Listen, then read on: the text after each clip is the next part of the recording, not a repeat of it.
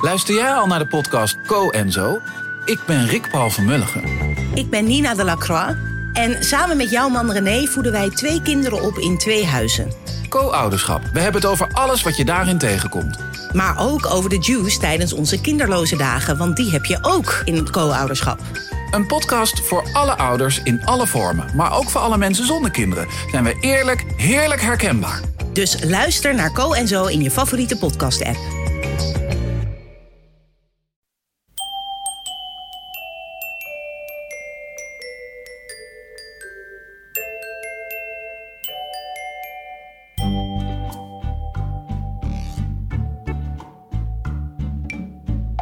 Welkom bij aflevering 267 van Echt Gebeurd. De podcast waarin waargebeurde verhalen worden verteld door de mensen die ze zelf hebben meegemaakt.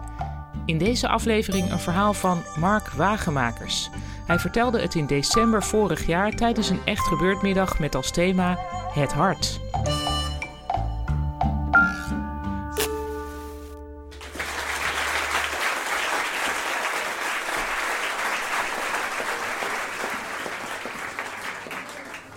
Ja, en daar stond hij dan, Marlon, eh, voor mijn huis. Ja, natuurlijk niet, niet zomaar staan, want hij kwam uit Haarlem en ik kwam uit Tilburg. En ehm, ik had net heel mijn jeugd in een psychiatrische inrichting doorgebracht. Dus het was weer met schoorvoeten. Kwam ik terug de maatschappij in. Dus ik had een eigen huisje in Tilburg, de provincie eh, Brabant, in een Finexwijk. De Reeshof heette dat, waar alles op elkaar lijkt, inclusief de auto en het kapsel van de vrouw. Um, maar het was nog wel een psychiatrische setting. Naast het spoor, want personeel had ook wat te doen. Um, dat ging allemaal prima. Ik, ik, krabbelde wel op, maar ik had, ik had toch een stevige depressie gehad. En ik kreeg daar pillen voor. En ik kreeg nog meer pillen en nog meer pillen. En ineens voelde ik me helemaal fantastisch worden. Ik denk, nou, dat is super. Um, toen dacht ik ineens, waarom ga ik gewoon niet mijn huis verbouwen? Ja, het is een sociale woning. Met van die hele ja, lange gangen, plavuizen en hoge muren met muren die werken. Er zitten gewoon scheuren in, maar de woning nee, die werken, die muren. Ik zei, oké, die werken.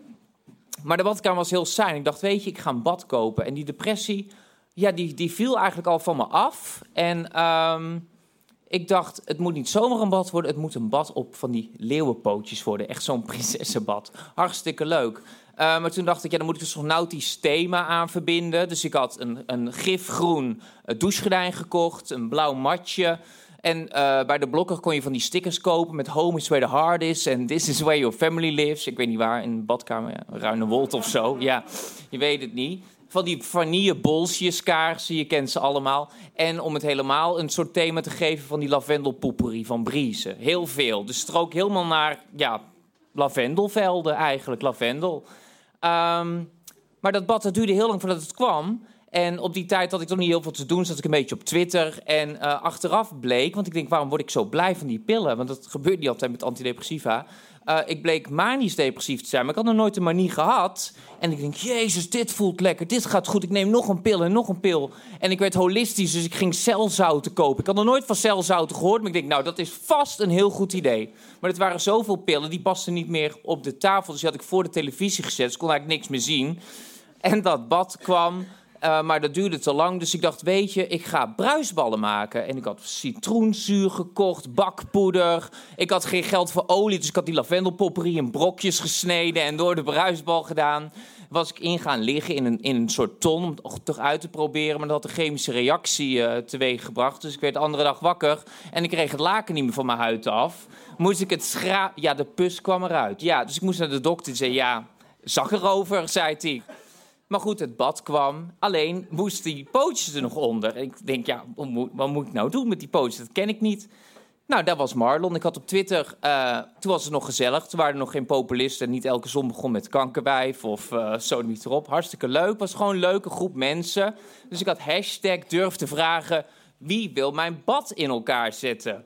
En daar was Marlon. Ik zei, nou, kom maar langs. Hij staat hier met de pootjes... Uh, ik moet uit Haarlem komen. Ik zei, maakt niet uit. We gaan door de Reeshof in Tilburg. Kom maar naar mij aan. En het was een paar dagen later. En hij kwam. En um, hij belde, want hij kon de weg niet vinden. Want alles lijkt op elkaar. Ze zegt, ja, hallo snuisterij. Ik ben snuisterij op Twitter. Um, dag snuisterij. Uh, waar moet ik zijn? Nou, dan moet je bij de rotonde moet je naar rechts. Het zandpadje over. En dan uh, het vierde gebouw. Ik had negen jaar geleden de baard nog niet in de keel. Maar dat kwam eigenlijk, ik was 23 al. Uh, mijn moeder zei telkens als ik haar opbelde met een lage stem... Nou Mark, doe me normaal, hing ze op. En als ik met mijn hoge stem belde, zei ja, dan begon ze wel tegen me te praten. Dus ik had een soort omgekeerd Oedipus-complex. Mijn vader hoefde niet dood. Maar goed, daar stond Marlon dan ineens. Maar hij wilde eigenlijk al weg. Maar hij reed per ongeluk mijn straat. Ik zei, joe, ik ben hier, snuisterij. Dus schoolvoet en toen kwam hij zo het huis binnengelopen. Hij zegt maar, ik, ik zie je de badkamer. Zeg maar, het bad staat al. Maar ik dacht, ja, je moet nooit op één paard tegelijk bedden. Dus ik had gewoon iemand anders gevraagd, kom even dat bad in elkaar zetten. Mocht hij niet opkomen dagen, prima. Maar ik denk, joh, jij bent leuk, gezellig, blijf. Laten we in bad gaan zitten.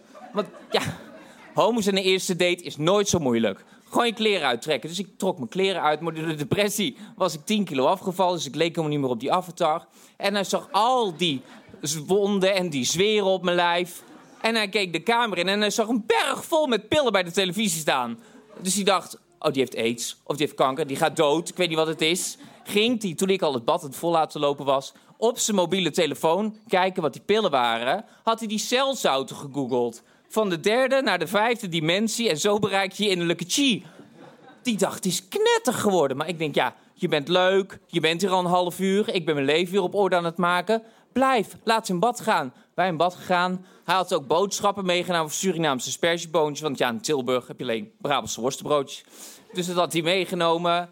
En daarna gingen we slapen. Maar goed, ik kon niet slapen, want ik begon mijn manisch te worden. Ik denk, Voel ik me nou zo leuk omdat ik zo verliefd ben op hem? Gaat het goed? Uh, wat gebeurt hier? Uh, en toen dacht ik om half één, ik ga gewoon mijn bed uit. Want ik had die week ook een blender gekocht.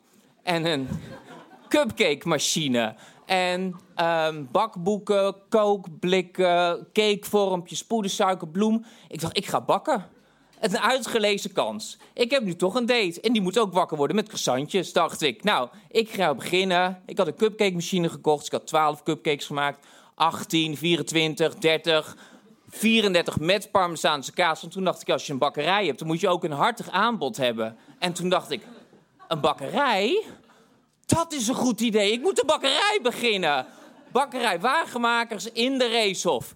En ik dacht, nou moet ik ook een officiële uitnodiging maken. Dus ik ging op mijn computer, had ik een officieel persbericht gestuurd. Mark Wagenmakers opent bakkerij in de of Tilburg. Met een officiële uitnodiging en een noot voor de redactie. Maar niemand van mijn vrienden was redacteur, dus het sloeg nergens op. Ik had heel professioneel. Mark Wagenmakers, bekend als snuisterij op Twitter, heeft zijn bakkerij geopend. Maar toen dacht ik, shit, morgen is de officiële opening al. Maar ik had alleen nog maar cupcakes. Dus ik ging taarten bakken en cakejes en koekjes. Maar omdat Marlon sliep en het was mijn eerste date, uh, moest het allemaal heel zachtjes. Dus ik dacht, als ik nou die keukenmachine heel zachtjes laat draaien voor het glazuur, dan hoort hij me niet. Maar goed, ik had alleen een badjes aan. Ik had geen koord voor mijn badjes, want dan was ik ergens kwijt. Dus het bungelde en het hing allemaal. Ik denk, maakt toch niet uit, want niemand ziet toch dat ik met mijn voorbereiding voor de bakkerij bezig ben. En het was half drie, kwart voor drie, drie uur. Meer taarten op de aanrecht, op de tafel, in de gang, in de badkamer. En toen dacht ik, ja, maar ook als ik straks kraamcadeautjes moet maken... heb ik voor een jongen natuurlijk wel blauw glazuur nodig. Dat was toen allemaal niet zo genderfluide, behalve het glazuur. Want omdat het zo uh, langzaam draaide, was het gaan lopen. Dus ik deed het in die uh, uh, vormen en dat zijpelde door de bodem heen... over mijn badjas, over mijn naakte lijf... En toen dacht ik, ja, het is nu half zes. Ik heb zeker veertien taarten gebakken. Ik had ook nog wat cakejes gemaakt en nog wat vla en hang op.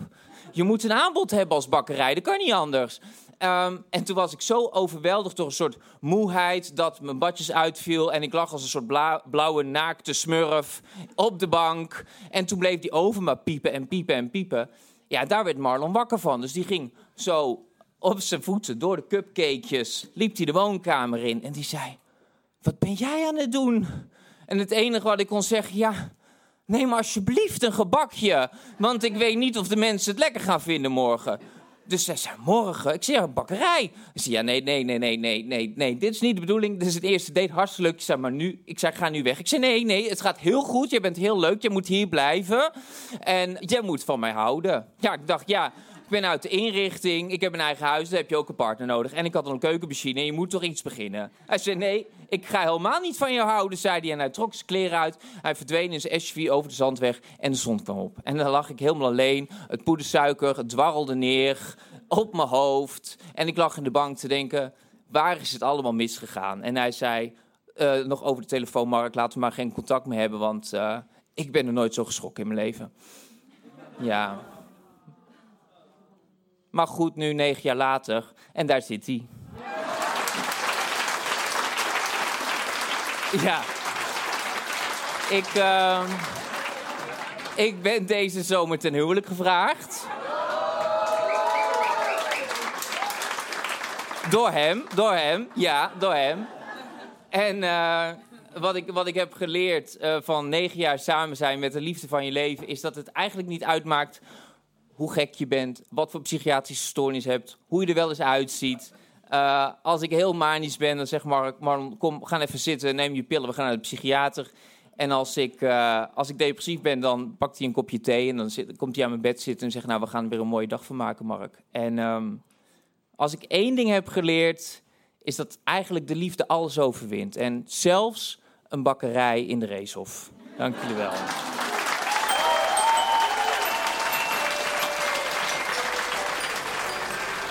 Je hoorde een verhaal van Mark Wagenmakers, die in 2022 in Griekenland hoopt te gaan trouwen. Mark vertelde eerder een mooi verhaal bij ons dat je nog kunt beluisteren in aflevering 229 van deze podcast. Wil je zelf een keer bij Echt Gebeurd komen vertellen? Voor volgende maand zoeken we verhalen over EHBO. In november hopen we een verhalenmiddag te kunnen organiseren rond het thema kunst. En in de december-editie wordt het thema ouders. Als je een goed en waar gebeurd verhaal hebt bij een van die thema's, kun je je opgeven via onze website. Dat is www.echtgebeurd.net. En als je wilt weten hoe onze vertellers gekozen en begeleid worden, luister dan eens naar aflevering 165, waarin we vertellen wie we zijn en waar het ons om te doen is. De redactie van Echt Gebeurd bestaat uit Micha Wertheim, Sanne Pols, Rosa van Toledo, Maarten Westerveen en mijzelf, Paulien Cornelissen. De productie doet Eva Zwaving, zaaltechniek doet Jasper van Oorschot. De podcast wordt gemaakt door Gijsbert van der Wal. Dit was aflevering 267. Bedankt voor het luisteren en vergeet niet, als je midden in de nacht ineens cupcakes moet maken van jezelf, doe het dan in ieder geval zachtjes. Zachtjes.